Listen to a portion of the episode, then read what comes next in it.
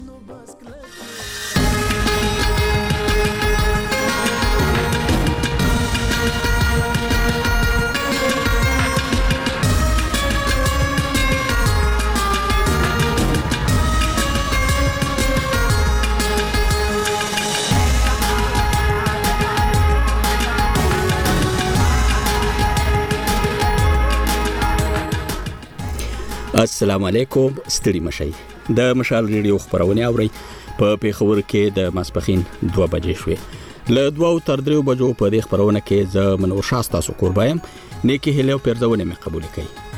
د دې غلې غړې په اوله نیمایي کې درته یو شمېر ریپورتونه وړاندې کوو او په دویمه نیمایي کې به یې سروي خبرونه نه خبرې غواوري خو په سر کې د دې سات خبرونه چې زمونږ همکار افرخندا سات درته وایي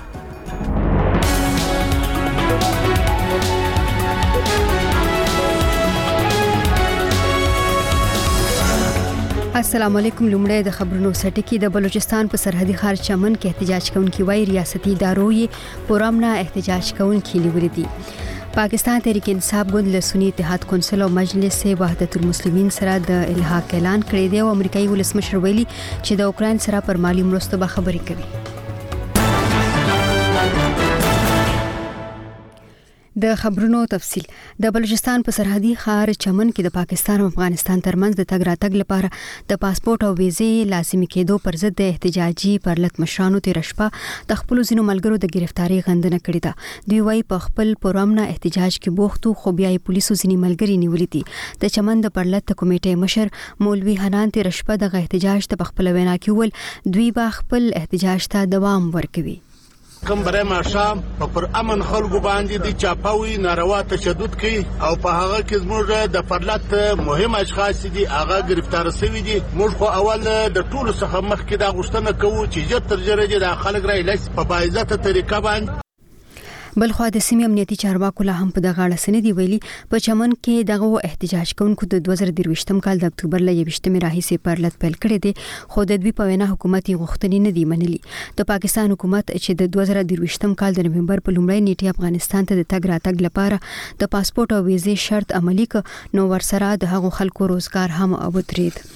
د کورمې د مشرانو یوه جرګه به نن د فبرورۍ په شلمه په پاړه چینار کې له انتظامي افسرانو سره یو ځل بیا ګوري چې د پیواړ د مبینه پوځي محاصرې پر مسله خبرې وکړي. د پیواړ اوسیدونکي وایي پوځ د فبرورۍ له پنځلسمې راهیسې چې هلته نامعلومو کسانو یو پوځي سرتیری وژلی، د هغې سیمې ټولې لارې تړلې دي. پرون په پاړچینار کې د پیواړ او شاوخوا سیمو مشرانو له انتظامي چارواکو سره جرګه وکړه. په جرګه کې شامل یو مشر حاجي منیر حسین اغا بېګا مشال ریډیو ته وویل، دوی ته نن بیا وخت ورکړل شوی چې له ډپټي کمشنر سره وګوري. پوځ د پیوار له مشرانو غوښتنه کوي چې د سرتیری په وژنه کې ککړ شپږ کسان دی ورته وسپاري ځای جرګې ویلي له پوځ سره مرستې ته تیار دي خو مطلوب کسان به د قانون مطابق ځای پولیسو ته ورکوي د فبرवरी په 15مه په سیمه کې د ځنګل پر سر د لانجې لوجې پنخته کې یو پوځي وژل شو دوه ولسی وګړي ژوبل شول پاکستان تحریک انصاف ګوند یا پی ټی آی په مرکز خیبر پښتونخوا او پنجاب کې د حکومت جوړولو لپاره له سنی اتحاد کونسل او مجلس وحدت المسلمین سره اتحاد کړی دی دا اعلان د پی ټی آی مشر بیرسټر ګوهر خان پرون په اسلام آباد کې په یو خبري غونډه کې وکړ نو موري ول په مرکز خیبر پښتونخوا او پنجاب کې وګډ حکومتونه جوړوي او د انتخاباتو کمیشن ته به د خزو او اقلیتونو د ځانګړو چوکیو ترلاسه کولو لپاره درخواست ورکوي د پاکستان تحریک انصاف ملاتړ لرونکي نوماندان چونکې په آزاد حیثیت کې سملو ته بریالي شوي دي نو ځکه د قانون له مخې هغوی باید په یو ګوند کې شامل شي په پارلمان کې د ښځو او اقلیتونو ځانګړي چوکۍ ترلاسه کړي تاسو مشال ریډیو ته غوږی د نورستان سیمایز چارواکي وایي په نورګرام کې د غره د خویدو په پیخه کې د مړو د جسدونو د استلو کار روان دي تر پرون نا وخت پورې له خاور لاندې د 1200 کسانو مړي استل شوي دي خو د نورستان لپاره د سرې میاشتې رئیس نور احمد حیدرزی بیګا مشال ریډیو ته ویل چې د غره د خویدو په پیخه کې د وجل شوو شمیر شپږ ویشتو ته لوړ شوی او څلور کسان پکې ټپیان دي د امریکا ولسمشر پرون ویلي راضي دی چې د استازو جرګې له جمهوریت غوښتونکو سپیکر مایک جانسن سره وګوري او پر هغه قانوني طرحې خبري وکړي چې مخه یې د روسیې پر ضد جګړه کې د اوکراین مالي مرسته ده او د کومې چې د امریکا په خوانې ولسمشر ډانلډ ټرمپ مخالف دی جو بایډن له خبريالانو سره په خبرو کې زیاته کړه جمهوریت غوښتونکي له اوکراین سره د مرستو چې هغه هیواد وکولې شي روسي يرغلګر په شاو تنبوي د مخالفت په د مخالفت په کولو د یوې لوی تیروتنې مرتکب مرتکب کیږي او بل خبر دا چې په لاهور کې د پاکستان سپر لیګ یا پی ایس ایل په نوم د کرکټ په روانو سیالیو کې نن د ملتان سلطان او اسلام آباد یونایټډز لوبډلو ترمنځ لوبه کیږي دا لوبه به د پاکستان پر وخت د مازیګر په درو بجو پیلېږي دا خبرونه د مشال ریډیو خبرونې دي راځو د دې غړې اولنۍ موضوع ته لکه څنګه چې مو په خبرونو کې هم واوریدل تمه ده چې نن بیا د پیوال د پوزي محاصره ختمولو لپاره د قامي مشرانو او ځلي چارواکو غونډه وشي د پاړه چنار ځای مشرانو پرون حکومتي چارواکو ته په یو جرګه کې ویلي وو چې په پیوال کې د یو پوزي سرتيري په وجنه کې مطلوب کسان به د پوز پر ځای پولیس ته ورکوي مشران له حکومته غوښتي وو چې د دوی د مرستې په بدل کې دې پوځ د پیواړ محاصره ختمه او نیولي کسان خوشي کړي. حکومتي چارواکو مشرانو ته د ځواب ورکولو لپاره وخت غوښتی دی. د فرورۍ په پنځلس مه په پیواړ کې د نامعلومه کسانو په ډزو یو پوځي عسکر وژل شوی و. پوځ د سیمې له مشرانو غوښتنه کوي چې په وژنه کې ملوث شپږ کسان دې ورته وسپاري. په دې هکله تفصیل له سیمې زموږ خبریال طارق اورکزی راکوي د مشال ریډیو واتس اپ چینل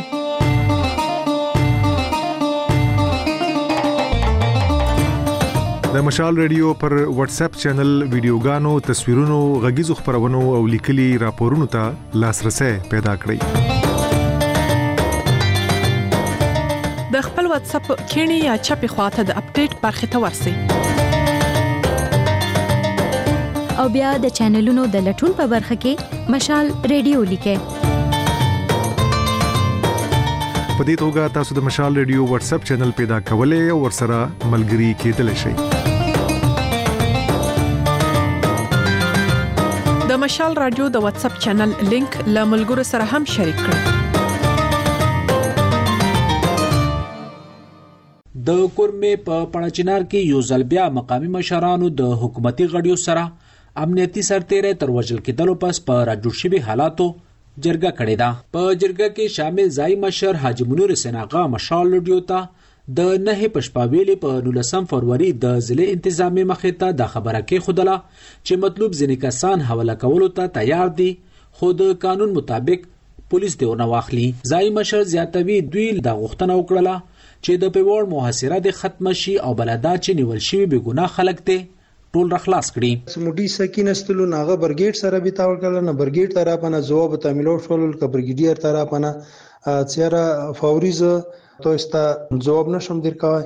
نه دی نیمو سبو دس بجی دوباره بیا وعده وشوله څه دس بجی کی به انشاءالله امید څه خبر او تر زری سره به دی پیورد څوره مسله دی دا بټوله حل طرف ته روانه شي په کورمه کې پر 15 فروری د پیورد زینو کسانو مبینه پر پوزیانو هغه وخت برید کړی وو چې هغوی لاګیدو په ورغلی ټریکټر تر ډزو پس د علاقې صورتحال او امنیت کابو ساتلو په خاطر سمدستي علاقې ته ورغلل. په هغه پېښه کې يو عسکر مړ او دوه عام وګړي زخميان شوي ول. تر هغې پس د پېواړ علاقه مبينه پوځ محاصره کړې ده. که څه هم تر جرګې پس حکومت ځينې خلک راخلاص کړل، خو ځايي اوسېدونکي ابرار قاضي د نهې په شپه مشال لډيو ته ويلي، په علاقه کې لا هم امنيتي عسکر د ټانکونو سره ولاړ دي. پېوړ ته نه وځي هغوی انټريا کېږي، که څوک پېوړ نه راوځي هغوی انټريا کېږي. د غوا کې پیوړ چې کوم ننه پیوړي دي هغه چال چالانه کیږي بل په لمه اور می چې کومه دی هغه د علي منګولي چیک پو سره دال تیال یار بند کړی دی ملیانو ملي سره سیدممو سره سیدممونه پاس کومه د پیوړې د میده کوټو کوم لیاره دی هغه هم بند کړی دی نورا په اور می څکومره په دې پیوړ کوم تری منګل روډ دی باندې گاشته هم کوي او دا بلکل دا لاري ټولي په کمالي باندي د غوښ کې. بلخوا په دغه اړه د ضلعي انتظامي دریځ معلومولو لپاره موږ ډپټي کمشنر جاوید الله محسود سره رابطه ونیوله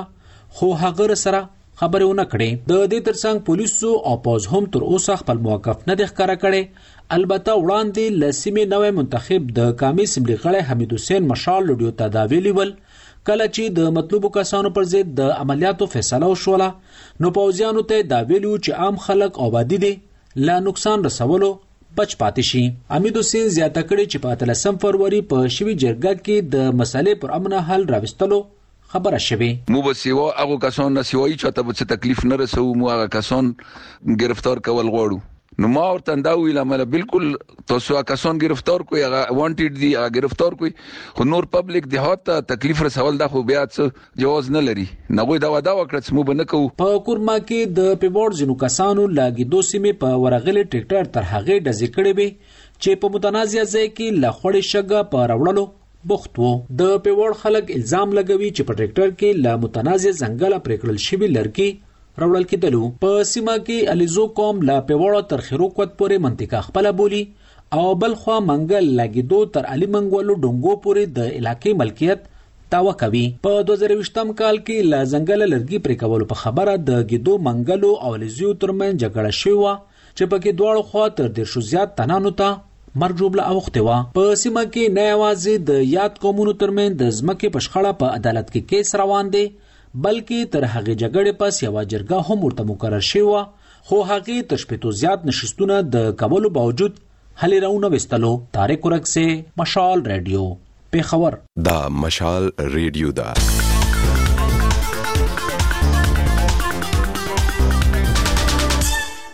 د مشال ریډیو خبرونو کې ورځو یو بل ریپورت ته په پاکستان کې د 8 فروری د عام انتخاباتو وروسته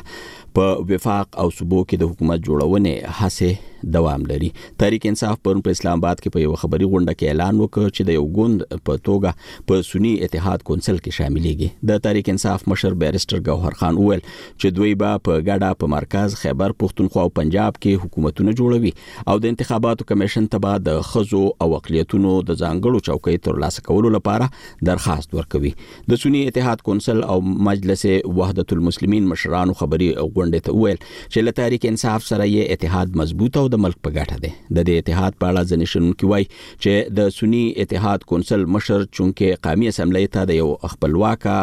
امیدوار په توګه بریالی شوی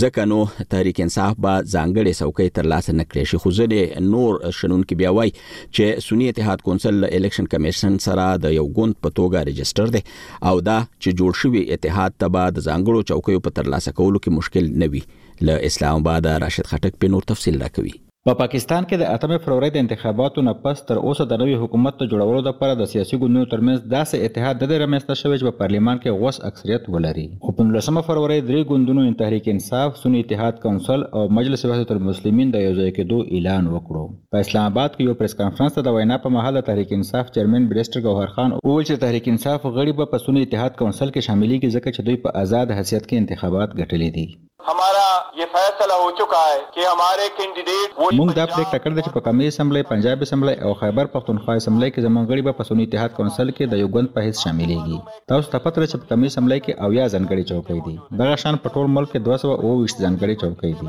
دا چوکۍ صرف سیاسي ګوندونو ته ورکول کیږي. ځکه موږ د خپلو ځانګړو چوکیو د لاسته راوړلو لپاره دغه تړون وکړو. د سني اتحاد کونسل چیرمین صاحبزاده حامد رضا په دې موقع وویل چې دوی د تحریک انصاف نه هیڅ غوښتنه نه لري او په غیر مشروط ډول یې مرسته کوي. دا اتحاد کول د یو کس پریکړه نه ده، په دې کې د تحریک انصاف مشران او مجلس بعثة المسلمین مشران هم شامل دي او په اخر کې د دې منظوري عمران خان ورکړه. زه دا خبره واضح کول غواړم چې پالیسي به عمران خان او تحریک انصاف جوړوي. او موږ د دې لپاره یو تړون هم لاسلیک کړی دی. پریس کانفرنس ته د مجلس وحدت المسلمین جنرال سیکرټري علامه راجه ناصر عباس هم وینا وکړه او ویې ویل، موږ به کله هم د تحریک انصاف لپاره بوج جوړ نه شو، موږ به د بوج اوچتولو والا یو، موږ به قام هم جوړوو، حکومت به هم جوړوو او ملک به هم جوړوو، هغه کسان به هم راخلاصوو چې د دروغو په مقدمو کې یې بندیان کړي دي. ځینې قانونپوهان او تجزیهنګران وایي چې په سني اتحاد کونسل کې د شاملېدو نه پس هم د تحریک انصاف غړي د ښځو او اقلیتونو لپاره په قومي اسمبلۍ کې ځانګړې چوکۍ نه شي ترلاسه کولی ځکه چې سني اتحاد کونسل په پارلېمان کې چوکۍ نه لري. د سني اتحاد کونسل مشر خپله چوکۍ ګټلې ده خو هغه په خپله هم په ازادانه توګه د بنار په نښه په انتخاباتو کې برخه اخیستې وه. د تجزیهنګرانو دغه ډله د دوو مختلفو مسلکونو د نماینده ګوندونو سره هم د تحریک انصاف اتحاد غیر فطري ګڼي. په اسلام اباد کې د نمل پوهنتون ډین او د ژورنالیزم استاد ډاکټر خالد سلطان هم دغه نظر لري. ما ته خو دا ښکاري چې نن سبا تحریک انصاف خصوصاً او نورې پارټۍ عموماً دی چې کوم هم اتحاد کړي هغه لانګ لاسټنګ نه شي کېدی. اصل کې دی دا ټول کارونه نظر ضروریت مطابق کوي او ما ته دا دېرپا نه ښکاري یو ټایملي الاینس دی او ادر وایز هم دا داسې الاینس دی کنه چې د دې پي ټي آی ته څه خاص فایده نشته. خو په اسلام اباد کې د ورلډ ټریبیون ایډیټر افتخار مشواڼي وایي چې د سني اتحاد کونسل مشر صاحبزاده حامد رضا خپله د قمي اسمبلۍ چوکۍ ګټلې ده او ګوند یې د الیکشن کمیشن اف پاکستان سره رجسټرډ دی نو د ځنګړو چوکۍ په لاسته راوړلو کې به دوی ته کومه ستونزه نه وي. غالب امکان دا دی چې کله هم پي ټي آی ریسټور شو یا هغې ته به بلې نشان ریسټور شو، زما خبرې هم شي دي سنی اتحاد کونسل چې کوم سورسز دي چې دا جماعت چې کوم دا پی ټی آی کې مرج شي نو د مضبوط اتحاد دی او پی ټی آی لپاره دا یو ډیر ښه آپشن دی او زما په خیال چې کوم دا به چلیږي په کوټه کې قانونپوه او تجزیهنګار همایون کسي وایي چې د مذهبي ډلو سره اتحاد تحریک انصاف ته د پارلیماني په ځای سیاسي ګټه راوړلی شي. پاکستان دی په دا کې دا څه دیرپانه دي بس عرضي اتحادونه دي جوړیږي دا به ختمیږي د کوم هدف لپاره دوی دا اتحاد کړی هغه هدف نشي تر سره کولی البته دا یو شه دی د لپاره چې هغه مذهبي ډلې چې دی هغه د د سر کوي نو هغه د مولانا نریټیو چې دی د یهودي الزام ایجنټ الزام چې پر لګي نو هغه ته دی چې د دغه کمزور کیږي بس دغه یو ګټه استنو د الیکشن کمیشن اف پاکستان لخوا د انتخاباتو د اعلان شوو نتیجو تر مخه د تحریک انصاف ازاد امیدوارانو د قومي اسمبلۍ په دوه سوه شپږ شپېته چوکیو کې دوه نوي، په پنجاب اسمبلۍ کې یو سل شپاړس، په خیبر پښتونخوا کې اتیا او په سند کې یوولس چوکۍ ګټلې دي. د سوني اتحاد کونسل مشر په ازاد حثیت یو سیټ ګټلی دی. مجلس وحدت المسلمین هم د قمی اسمبلی یوه چوکۍ ګټلی ده. د وزیراعظم جوړیدو لپاره په قمی اسمبلی کی یو کس ته د ځنګړو چوکۍ نه علاوه یو سل څلور دېرش رای اخیستل ضروری دی. راشد خټک، مشال رډیو، اسلام اباد.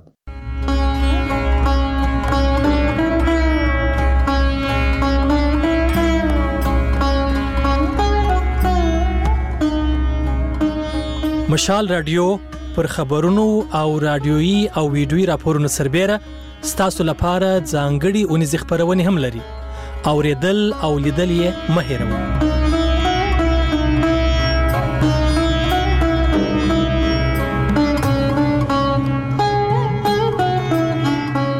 د مشال ریډیو خبرونه دي په خیبر پښتونخوا کې له قدرتي افتونو سره د مبارزې اداره پی ډی ایم ای وای چې روانو بارانونو په صوبه کې څلور کسان وجلي او نه نور یې ژوبل کړي دي پی ډی ایم ای پرون په یو بیان کې ویل بارانونو دوه کورونه په بشپړ او څلور نور په جزوي توګه ویجاړ کړي دي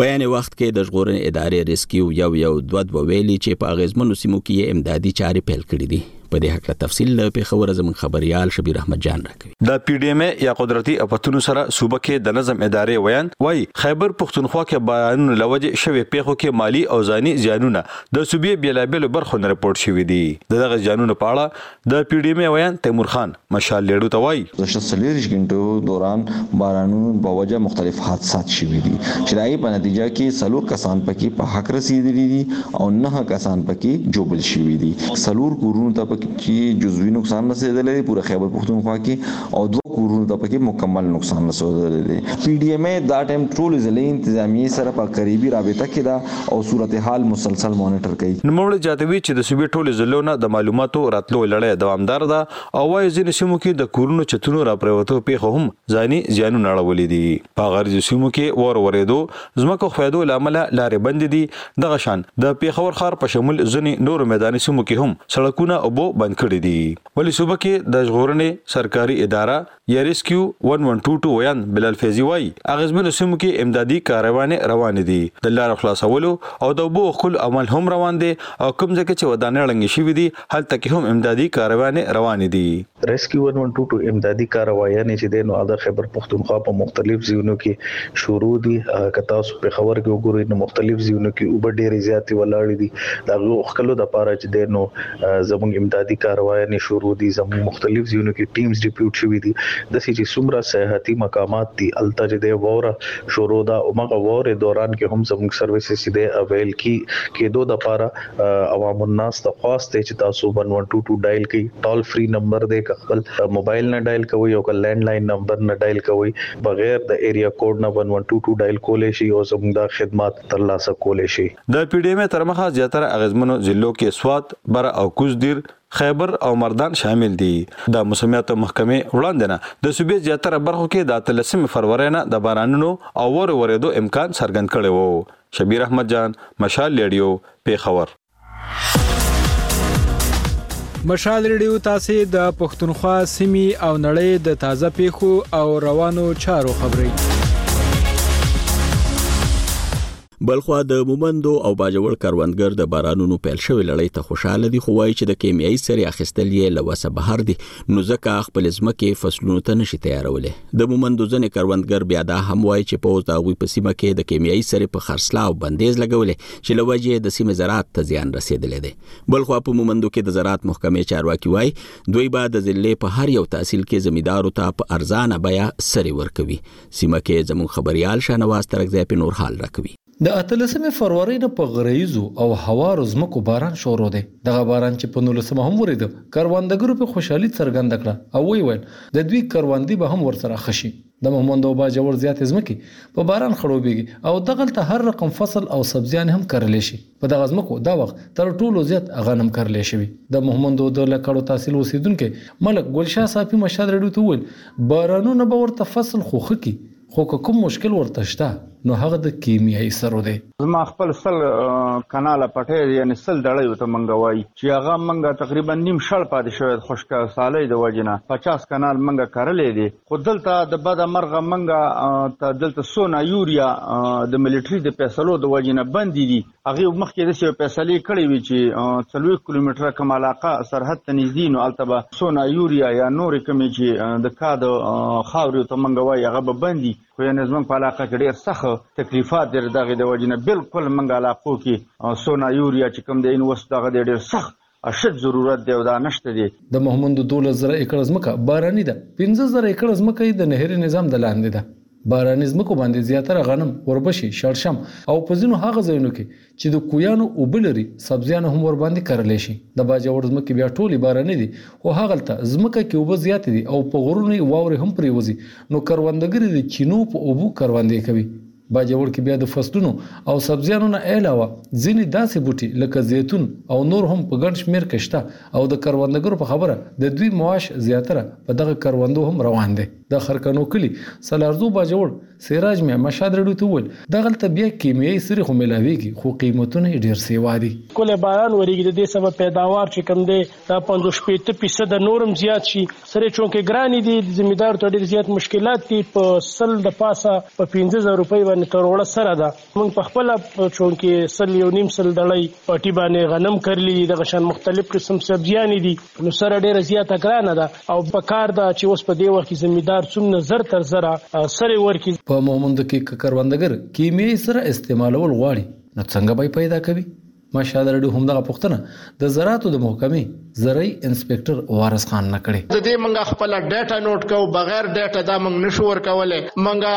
ډیسټریکټ ډایریکټر په وافر مقدار سره په خپل خپل تحصیلونو موږ بوالو مثال صافی لکړې به بوالو غلنۍ وابلو یک غونډ نو یک غونډ یو داسې ځای چې دې ته پندالۍ ته انبار ته او میچنۍ ته موږ سپلای ورکو زمیدار چې څومره رونه دي ان شاء الله د دینه به مستفید شوي دي هم دي مستفید کیږي هم نو یوریا به دوی ته د مارکیټ نه 500 نه والا 600 په اروپا پورې ارزانه ملاويږي تیر وختونو کې به کروندګرو ته په کیمیاوي سرو او تخمونو سبسيډي مانه رعایت ورکېده او هر کله چې به رجستر کروندګر دغه شیان اخستل ورته په ارزانه بیه ورکېدل خو د پاکستان حکومت چې کله د قرضونو ورکولو نړیوالې ادارې آی اېم اېف نه قرضه اخیسته، تېر کال یې دغه رعایتونه ختم کړل او د دغه ادارې په وینا یې په ګڼ شمېر شیانو ټېکسونه هم سېوا کړل چې ورسره د کروندو اوزارونه، تخمونه، دوایانې او سرې هم ګرانې شوې دي. شانواز ترکزی، مشال رېډیو، پېښور. د مشال رادیو هر ورځ د سهار له سالورو تر شپږو بجو د سهار له نهو د ماخام تر وو بجو د شپې له نهو نه تر لسو بجو او بیا له یو لسو تر دو لسو بجو په دې سپو خبرېږي منځنۍ سپا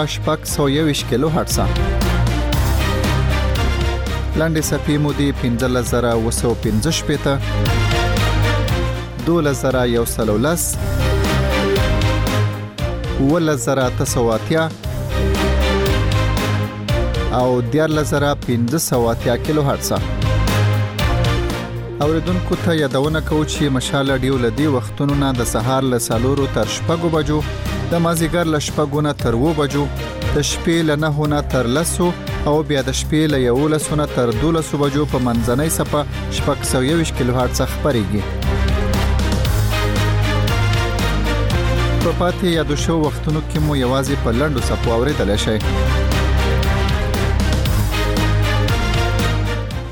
د مشال ریډیو خبرونه دي په دوحه کې د افغانستان په اړه مهمه غونډه له کومې ځانګړې فیصلې نه بغیر پای ته رسیدلې ده په دې غونډه کې د طالبانو د حکومت استادو هم ګډون نه وکړي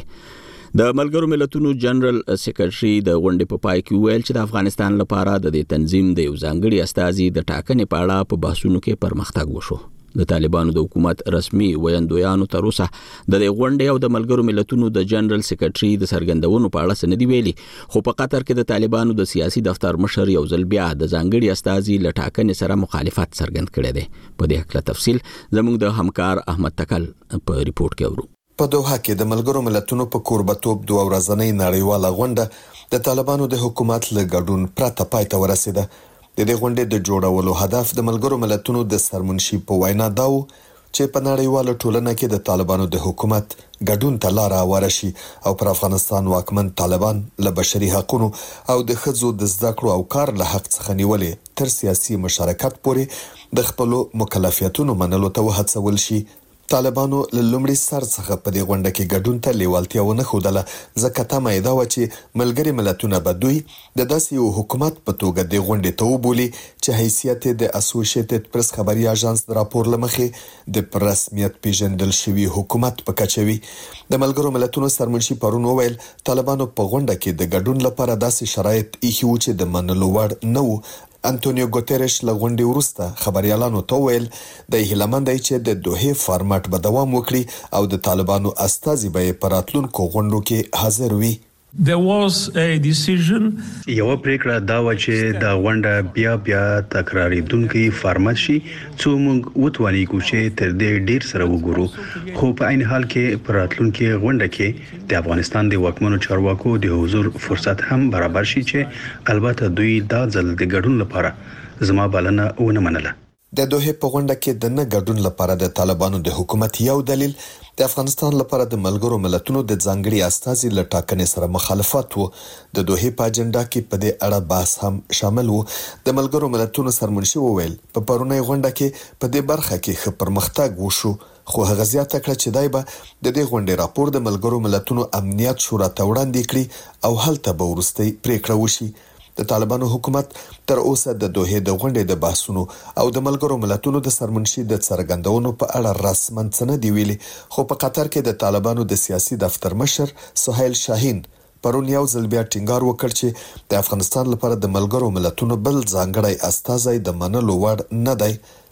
ښاغلي شاهین د جاپان له اېن اېچ کې خبري شبکې سره په مرکه کې وویل، د دوی په نظر د ملګرو ملتونو ځانګړی استازی ښايي د افغانستان په چارو کې د لاسوهنو هڅه وکړي. هغه پوښتنه وکړه چې ولې د ځانګړي استازي ټاکلو ته اړتیا شته؟ او پرته له دې چې جزییات ورکړي زیاته یې کړه، داسې شکونه شته چې نوی استازی ښايي پر افغانستان ځینې پرېکړې تحمیل کړي. د چارو شنونکی او خبریال سمیع یوسفزی وایي، په پرونۍ غونډه کې د ښځو او بشري حقونو په مسله کې د لویدیځ او طالبانو د سیمه ییزو متحدو هېوادونو د استازو ترمنځ اختلاف رامنځته شو. ښاغلي یوسفزي له دوحې څخه د غونډې د بحثونو په اړه ازادۍ راډیو ته وویل، د دغه مسایلو د حل لپاره ځینې هیوادونه یو ډیر سخت میکانیزم جوړولو باندې خبرې کوي ځین نرم دریز غواړي چې طالبانو سره وو دا مشکلات شته دا چې د میرمنو حقوق طلب کړي دي د دې نه علاوه هم موږ ضرورت لرو چې طالبانو سره په رابطه کې وو په نرم رابطه کې وو طالبان داسې او حتی بونز چې ټولې دروازې د ملګرو ملتونو یا نړیوالې ټولنې سره بندې کړي، په هغه صورت کې به د دې اثرات په ځای د دې چې په طالبانو باندې اثر وکړي، زیات اثرات به د افغانستان په خلکو باندې وي. د طالبانو حکومت وایي چې د امنیت په ګډون د یو مشروع حکومت ټول شرایط یې پوره کړي دي، نو نړیوال باید د دوی حکومت په رسمیت وپېژني، خو ملګري ملتونه او نړیواله ټولنه د نجونو او ښځو پر زده کړو او کار د طالبانو بندیزونه د بشري حقونو سرغړونه بولي او وایي طالبان باید د ښځو او بشري حقونو په برخه کې د نړیوالو اندېښنو ته ځواب ووایي او بیا دې د رسمیت پېژندنې غوښتنه وکړي.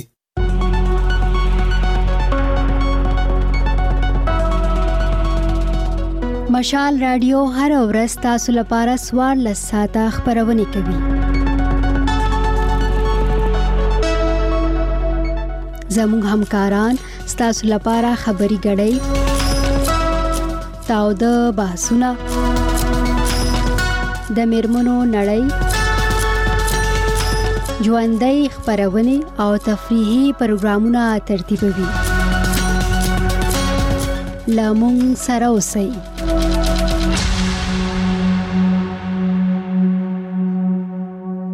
د مشال ریډیو په خبرونو کې د رواني غړې نیمایي ته ورسېدلو په پېښور کې د ماسپښین دوه نیمې بجې شوې. زموږ همکار داود خټک درته دا وخت سروې خپرونه نیغ په نیغه وړاندې کوي چې تاسو یې د فیسبوک او یوټیوب له لارې هم السلام علیکم ملیحه امیرزاده یم د پښتنو خزو د لاسته راوړنو په اړه ونیزه خپرونه سروې کې مو هرکلی کوم په دې خبرونه کې له مخورو پښتنو خزو سره ویډیو مرکې لرو. خپل بچي د دې تعلیم نه مه محرومه کوئ. د پښتنو سیاستوالو، مدني فعالانو، هنرمندانو او نورو سره د هغوی د لاسته راوړنو په اړه خبرې کوو. سیاست سره بالکل لګاو نه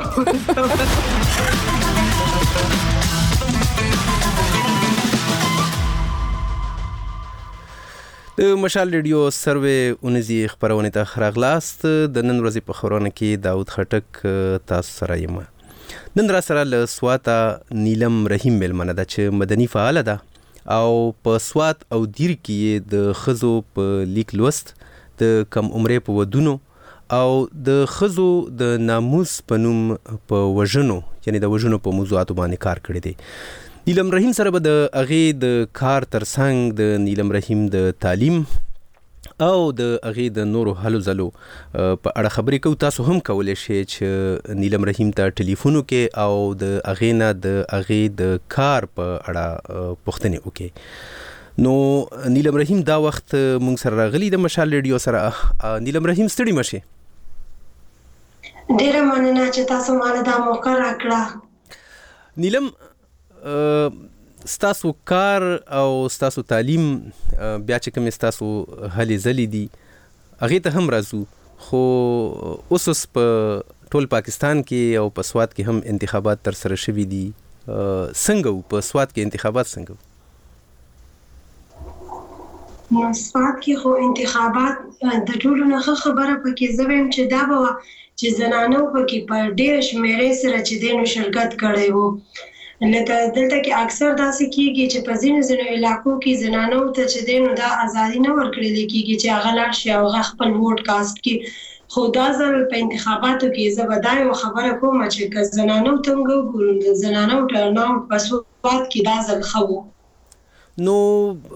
د دې وجه څه کېدای شي؟ یعنې موږ که وګورو په ډېرو ځایونو کې اورو یا په راپورونو کې راځي چې زنانو ته د ووټ اچولو اجازت نه ورکول کېږي. تاسو وایئ چې په سوات کې د زنانو ټرن آوټ ډېر ښه و، وجه یې څه کېدای شي؟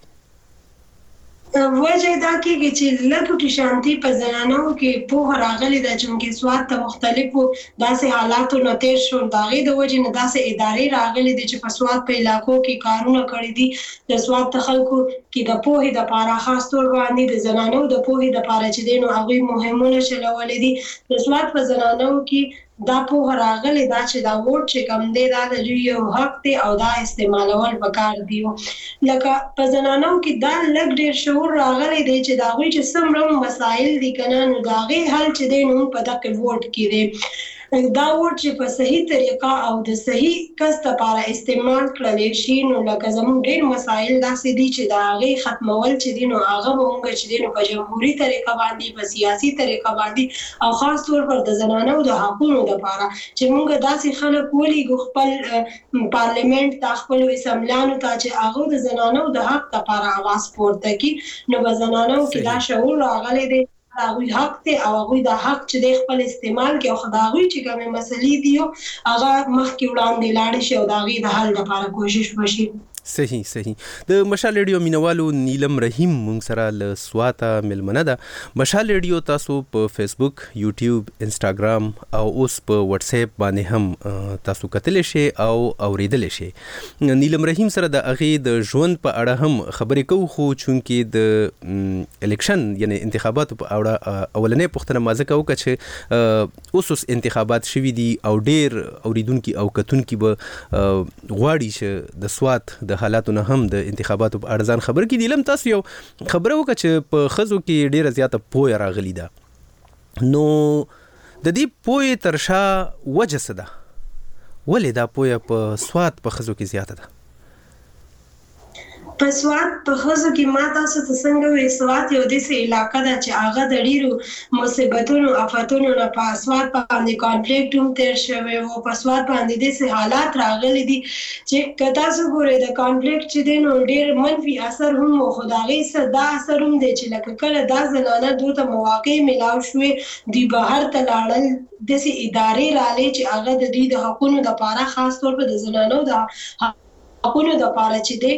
کار شروع کو نو د د سوات ته زنانو چې دی د خپل غیر چاپیر حالات چې کوم په هغه کې دلچسپي اغستل شروع کړل هغوی ځان لکوټي په دې سیاسي هلو ځلو کې چې دی نو انوالو کو مخکې به داسې وه لکه اوس داسې چې لکه په لږ تعداد کې خو ما داسې ولیدل چې اکثر جلسې کیږي نو زنانه چې دي د سوات هغې ته چې دی نو هغوی راغلي او باقاعده د زنانو جلسې کیږي زنانه پکې شاملیږي د خپل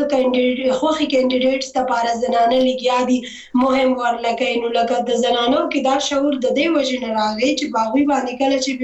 سخت وخت راغلی و نو هغوی دې له دا شعور ورکړو چې لکه دوی څنګه چې دی لکه د دې خپل سخت وخت یې ولیدو او څنګه چې دی دوی ځینو ځان خپل کردار ادا کولی شي د دې مشکلاتو نه د راوتلو لپاره زنانه وو چې دی په دې کې خپل لکه مخکې د زنانه وو داسې کردار نه وو نو په څنګه چې زنانه وو لکه مخکې په امن راوستو لپاره خپل کردار کړی دی داسې اوس دا زنانه لیکو په سیاسي توګه باندې هم په د زناناو د سیاسي شعور او پوهې په اړه که وخت مو ولرو نو نورې پوښتنې به هم زه لرم.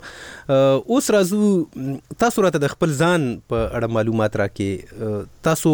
څومره تعلیم مو کړی، چرته مو تعلیم کړی دی، په سوات کې مو سبق ویلی که د سواته مو بهر ویلی دی؟ دا راته لږ ووایه. ما چې دی نو سبق چې دی نو خپل زیات تر سبق ما دلته ویلې دی بیا ما په علم بشریات کې د قائد اعظم یونیورسيټي نه ماسترز کړی دی او بیا چې دی نو ایم فل سوشیالوجي مې کړی دی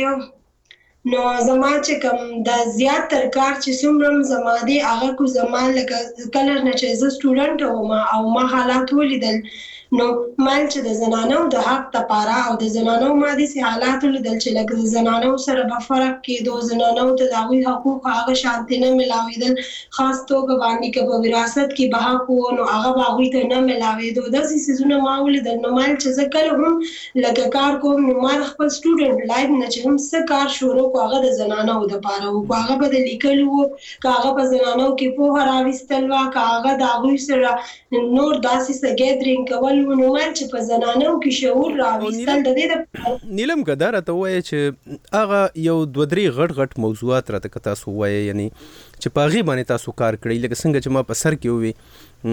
تاسو غالبا د کم عمرې په ودونو باندې هم کار کړی دی په سواد کې د ناموسي وژنو پیښې هم فکر کوم چې دام ډېر زیات راځي او کدا یو څو غټ غټ موضوعات راته وای بلکل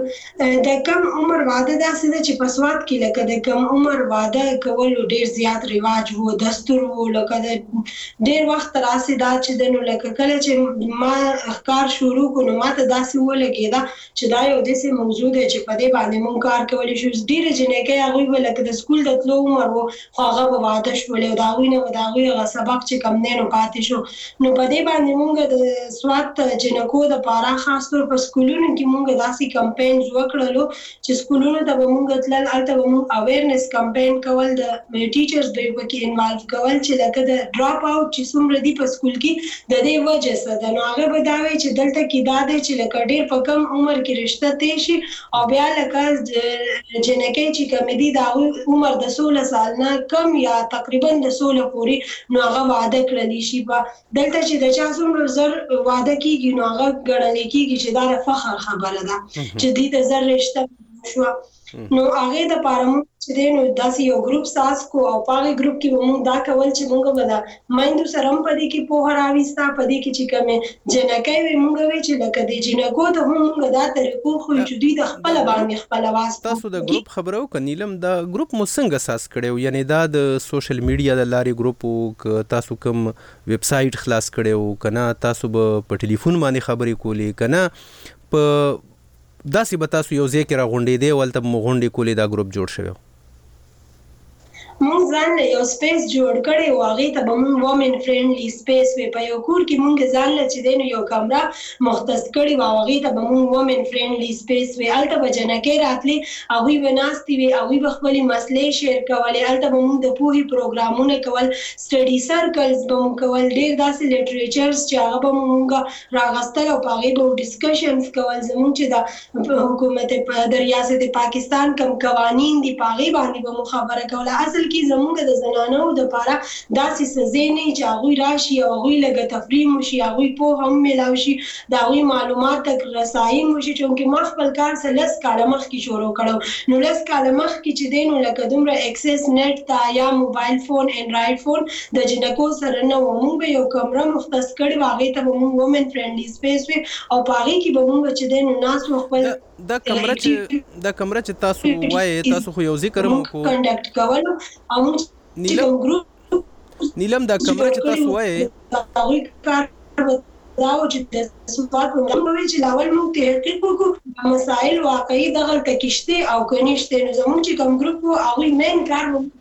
جی جی. نیلم دا تاسو چې د کومې کمرې خبره وکړه یو ځای تاسو مختص کړی نو دا مو یو د دفتر په تور باندې نیولې او نو ظاهره ده په دې باندې به څه پیسې هم راتلې یا تاسو به چې کوم لټریچر چاپه او ښځو ته به مو ورکولو په دې به څه پیسې هم راتلې دا به تاسو خپله چنده کوله که نه تاسو سره چا څه مرستې کړي دي؟ نه داسې کار دی چې مختلف ادارو موږ له مرستې ضرور کړې دي خو موږ چې دا کمره وه دا بلکل زموږ خپله کمره وه دا موږ ته چې دې لپاره چا پېسۍ نه وې راکړې دا موږ په خپل کور کې یو کمره نیولې وه او د هغې نه موږ چې دی دا کار شروع کړی وو موږ مختلف ادارو ضرور سپورټ کړي یو موږ له ټریننګز راکړي دي زموږ سره داسې اګاهي پروګرام موږ د هغې د پروګرامونو حصه پاتې شوي یو خو لکه دا داسې څه فنډډ پروجیکټ نه و دا زمونږ چې دی نو لکه مونږ رضا تور باندې یاو نیلم اوس چې تاسو کوم کار په مخ بیا لس کاله مخکې او اوس لس کاله وروسته نو ظاهر د پدې کې به ډیر بدلون راغلی نو اوس تاسو خپل دفتر جوړې کړې دي یا خزو ته د رسایې د لپاره هغه تنظیم چې دی هغه کې سخواله راغلی تاسو په کې څه بهتري ویني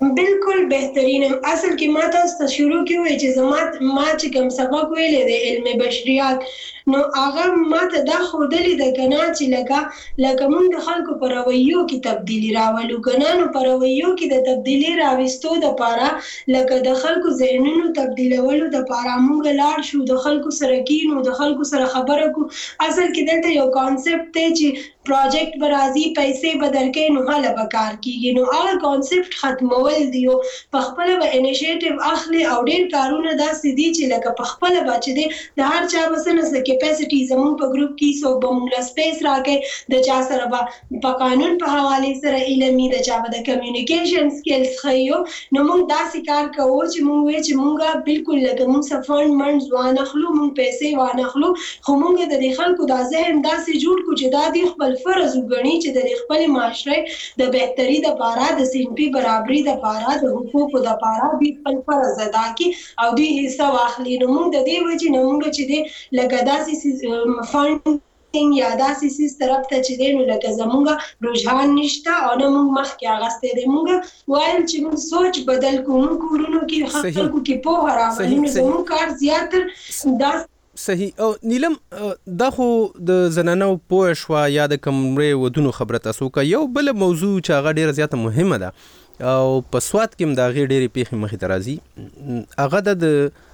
ناموس په نوم د ښځو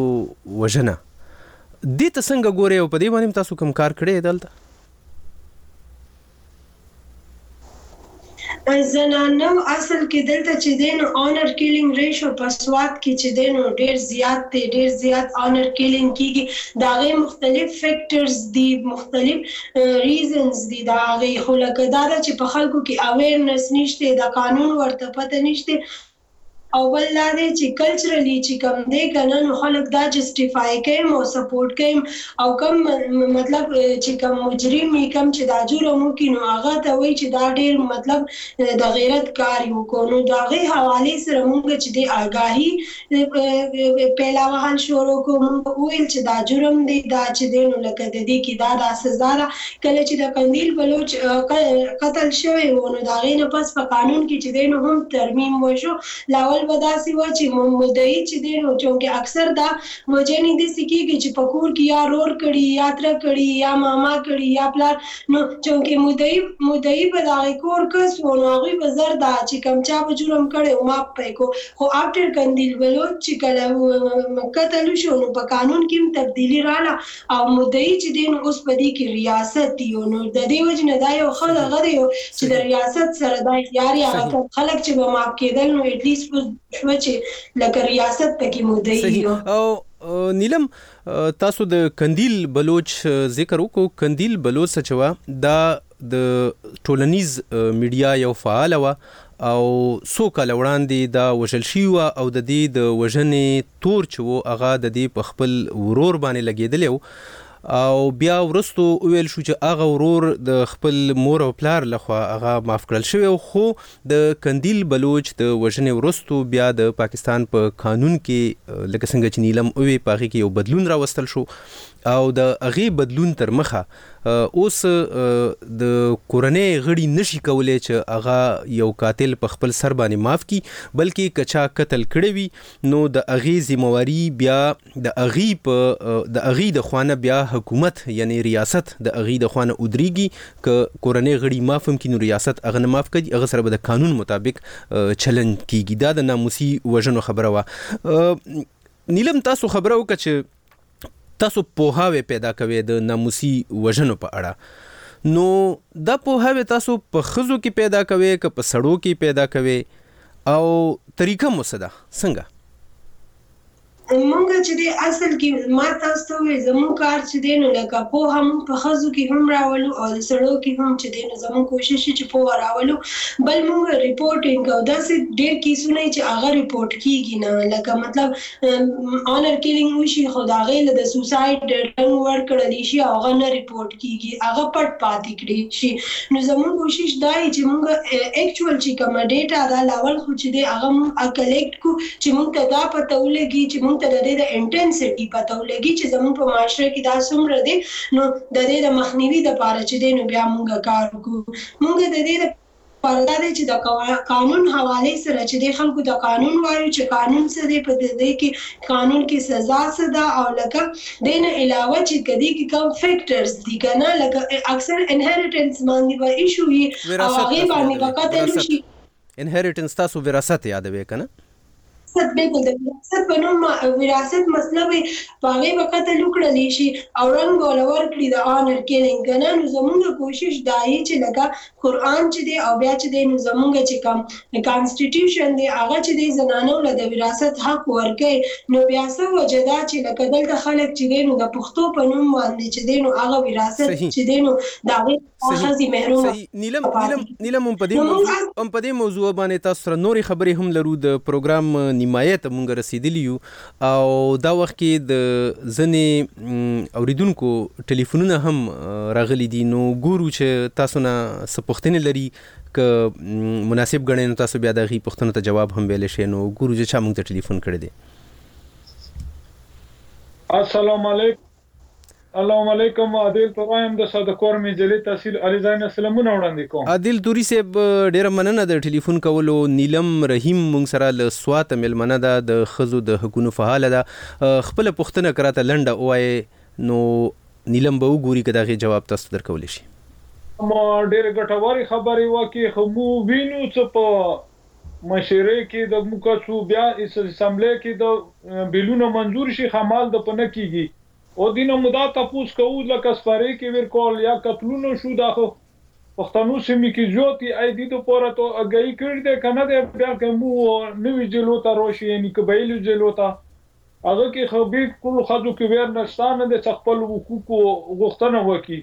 نه دی دوباره دی څه ګمونه اوچات کړی دی کنه دی اوچات کړی صحیح عادل توری صاحب ډیره زیاته مننه او ګورو که یو بل اوریدونکو مونږ سره وی د اغي پښتنه هم اخلو ښه بل اوریدونکو فکر کوم چې څوک مونږ سره نشته نو نیلم عادل توری دی د کورمنه ټلیفون کړو او دی وای چې د قبایلی سواد خو بیا هم خده خاري سیمه ده خو په قبايلي ضلعو کې په ښځو کې پوهاوی ډېر زيات کم دی. د هغې لپاره بايد څه وشي او تاسو کوم داسې منصوبه يا پروګرام لرئ چې قبايلي ضلعو ته هم دا خپل پروګرام وروغځوي؟ بلکل اصل کې که موږ ووايو که نه که که سوات دی او که هغه نو پېښور دی او که نورې علاقې دي خو کوم چې صنفي تشدد دی د صنف په بنیاد چې کوم تشدد کیږي هغه شته هغه موجود دی او هغه په هره علاقه کې شته زموږ په روایاتو کې ډیرې ښې خبرې هم دي خو زموږ په روایاتو کې ډیرې داسې خبرې هم دي چې هغه د حقوقو خلاف دي کوم چې انساني حقونه دي نو زموږ داسې پروګرام بلکل شته زموږ چې مونږ انیشیټیو د سوات نه اغستی ؤ خو اوس بیا رو رو چې دی نو مونږ په نور ډیسټریکو کیم زمونږ هغه ګروپونه چې دی لګیا دی او هغوی د پوهی کارونه چې کوی نو مونږ دا نه ده چې زمونږ چې دا کوم اکټیویزم دی دا صرف د یو ډیسټریکه پوری دی بلکه دا چې دی نو دا اوس زمونږ په کې پی باندی مونږ لګیا یو او مونږ چې دی نو د پوهی مونږ خپل چې دی نو اوس زموږ ایجنټسي موږ هغوی ته وایو چې بیهیویر چینج ایجنټ موږ وایو چې د خلکو او د رویې دا تبدیلي چې ده دا اسانه خبره نه او نه دا د یو سیشن او یو د میټینګ خبره یي دا به ټیم اخلي خو موږ لګیا یو او موږ چې دی نو مایوس نه یو موږ ته داسې اګزامپلز راغلي دي چې واقعي خلک بدلي راځي صحیح صحیح او نیلم تاسو چې دغلته کار کوي نو څومره خلک دي تاسو سره ته یوازې کنه تاسو سره نور خلک هم ملګری دي او دا په یعنی دا په سرکاري توګه باندې دا کار کیږي سرکاري مطلب زما دا دی چې آیا دا خلک تنخواګانې اخلي کله رضاکار دي زموږ جی جی بالکل زه چې دې دې کې یوازې نه یم مونږ سره دې کې چې دې نو دا مونږ چې دې نو زموږ ګروپس دي زموږ سره نور هم فیمیل دې کې نو دي مونږ سره سرکاري ادارې چې دې نو هغوی نه هم مدد اخلو سوشل ویلفیر ډپارټمنټ چې دې هغه هم دې کې ډېر مرسته کوي هغه چې هم د هغوی منډیټ دی چې د زنانو د حقونو لپاره د زنانو د خیر ښېګړې کارونه کوي نو سوشل ویلفیر ډیپارټمنټ هغه هم موږ سره دي کې لګیا یې موږ یوازې نه یو موږ سره چې دی موږ چونکې یوازې یو کس هیڅ نشي کولی موږ په دې یقین لرو کله چې موږ اجتماعي طور باندې یو یو څیز چې دی نو هغې لپاره کار کول شروع کړو نو ډیر زر دی چې هغې کې به بدلون راشي یو انسان کافي نه دی نو زموږ کوشش چې څومره موږ ډیر سره د ځان سره خلک ملګري کوو پر هم خیاله خلک ملګري کوو او د خلکو مرسته چې یې زموږ سره یې نو دا هغه زموږ د پاره زموږ د اواز چې دی اډیرو خلکو ته رسی او ډیر خلک چې دی نو بیا غي چې دی د سره چې دی زموږ سره ملاتړ کوي صحیح صحیح د مشال ریډیو مینوالو مونږ سره نیلم رحیم له سواته ملمنه ده نیلم رحیم د بشري حقونو فعاله ده او د کم عمرۍ په ودونو ترڅنګ نیلم رحیم د زنانو د ناموس په نوم د وژنو او د زنانو د تعلیم په موضوعاتو باندې په هغې کې د پوهې او شعور را بیدارولو په موضوعاتو کار کوي په سوات کې تاسو کولی شئ د مشال رډیو یوټیوب ته هم ورشئ د مشال رډیو فیسبوک انسټاګرام ټویټر او اوس د مشال ريډيو واټساپ هم تاسو وګورئ هلته تاسو ته تازه تازه ويډيوګانې خبرونه او نور معلومات ترلاسه کيدای شي نيلم رحيم سره د پروګرام اخيري شيبو ته رارسيدلي يو نيلم پوښتنه مې دا ده چې تاسو د قائد اعظم پوهنتون نه ماسټري ترلاسه کړه او تاسو د سوات غوندې په سیمه کې په یو داسې موضوع باندې کار کوي چې هغه بعضی وخت په هغه کې سړو ته هم ستونزې راتلی شي نو اول راته دا وایي چې تاسو ته د خپلې کورنۍ د طرف نه کوم مشکلات خو مخې ته نه دي راغلي مشکلات ډېر زیات راغلي او اکثر خلک وایي چې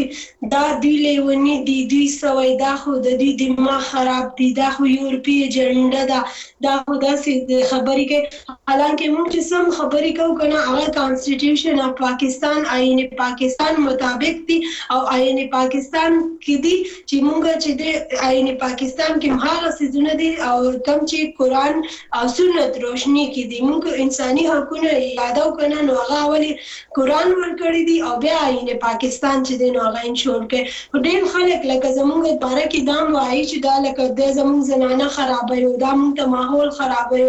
او هغه په هغه زړو څیزونو باندی کوم چی لکه زموږ دسی روایات دی چی د هغی د نا انصافی باندی مبنی دی هغی نه خلکو ته نقصان رسی خو چونکی پښتو ده وایی دا زموږ پښتو ده موږ یی نه پریږدو دوی ته داسی لګی چی زنانه چی دی نو لکه بس لکه د هغوی څه حق نشته د هغوی څه کردار نشته نو ډیر لکه د فیملی نوم یی خو اوټ ساید اف فیملی هم ډیر داسی خلک یی چیلنجز ډیر زیات دی او یو پیدر شاهی نظام. نیلم ما د کورنۍ پوښتنه ځکه وکړه چې کله چې یو قدم اخیستل کیږي خاص کر د یوې زنانو لپاره او بیا په یو داسې سیمه کې چې هلته کې زنانو ته پوره ازادي هم نه وي حاصله نو اول ستونزه چې راځي هغه د خپلې کورنۍ د طرف نه راځي، په هغې کې پلار کېدای شي، وروڼه پکې کېدای شي، ماما کاکا پکې کېدای شي، تر دې حده چې تربور او د ترور زوی پکې کېدای شي. نو تا چې کله په اول سر کې دا خپل کار شروع کاو د زنانو د حقونو لپاره، په خپله کورنۍ کې داسې چا ستاسو خلاف څه اوازونه راوچت شوي وو؟ بلکل داسی خلکو خبری کړی دی خو زه به تاسو ته دا ویم لکه زه چی کله زما خپله باندی رور نشته کنه نو لکه ما په خپله باندی دسی حالات لیدلی ول چی لکه خلکو به مطلب وی چی رور نشته دی خو داسی روری نشته نو لکه مطلب ډیری داسی خبری لکه جنۍ ته سپک ګڼلی کیږی کنه زموږ په کلچر کی فیملی نه داسی خبری بلکل ضرور کیږی خو بیا لکه دسی خلک هم وی چی هغه مونږ سپورټ کئ نو داکم خلک چی مونږ سپورټ کئ کنه دهغوی هغه حوصله دومره یی چی لکه هغه چیلنجز چی دی نو هغه بیا مونږ ته دومره غټ نه ښکاری آل دو چی چیلنجز یی او فیملی د سایډ نه ډیر خلک داسی یی چونکی پیټریارکل سوسایټی ده پیدرشاهی دغه ده نو کله چی هم یو جنی د حق دپاره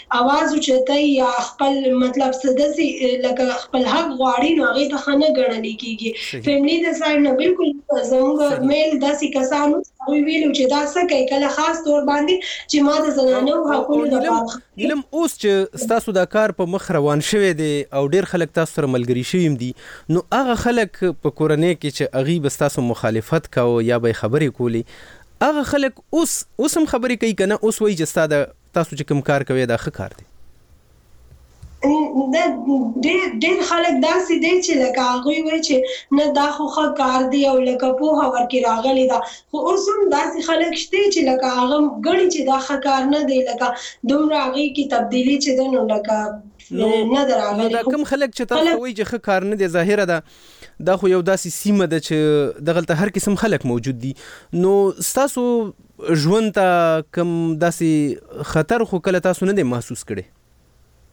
خطره داسې خو نه ده لکه خو په هر حال کله کله بنده داسې لکه فیل کړي خو لکه بیا شکر دی ما ته وویل چې ډیر خلک داسې دی چې هغه سپورټ کوي کنه او بل دا دی چې انسان کې خپله حوصله وي کنه مونږ دې ته تیار یو مونږ دې ته مینټلي پریپیرډ یو چې دا کوم کار مونږ کوو ددې ایکسیپټنس دومره نشته او نو موږ باقاعده د دې پلانینګ کوو موږ کلچر سنسټیویټي ته هم ګورو چې لکه موږ په داسې طریقه باندې دا خپل خبره چې دی ورسو خلکو ته چې لکه هغه کې مطلب لکه دا غیر اکسپټنس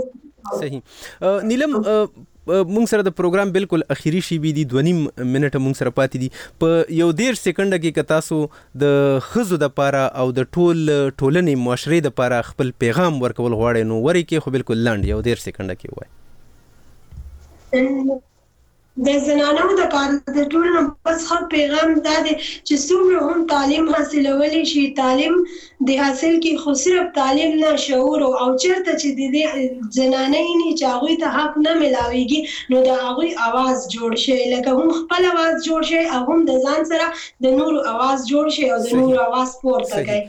صحیح د مشال ریډیو سره د پدی پروګرام کې په برخه اخستو نیلم رحیم تاسو ډیره زیاته مننه سروي خبرونه ده د خزو د پاره او د مشال ریډیو سروي خبرونه په همدې زی د دې خبرونه وخت سر ترسي د مشال ریډیو نور خبرونه په ریډیو باندې روان دي او تاسو کولای شئ چې یوټیوب ته ورشئ ټوئیټر ته ورشئ انستګرام ته ورشئ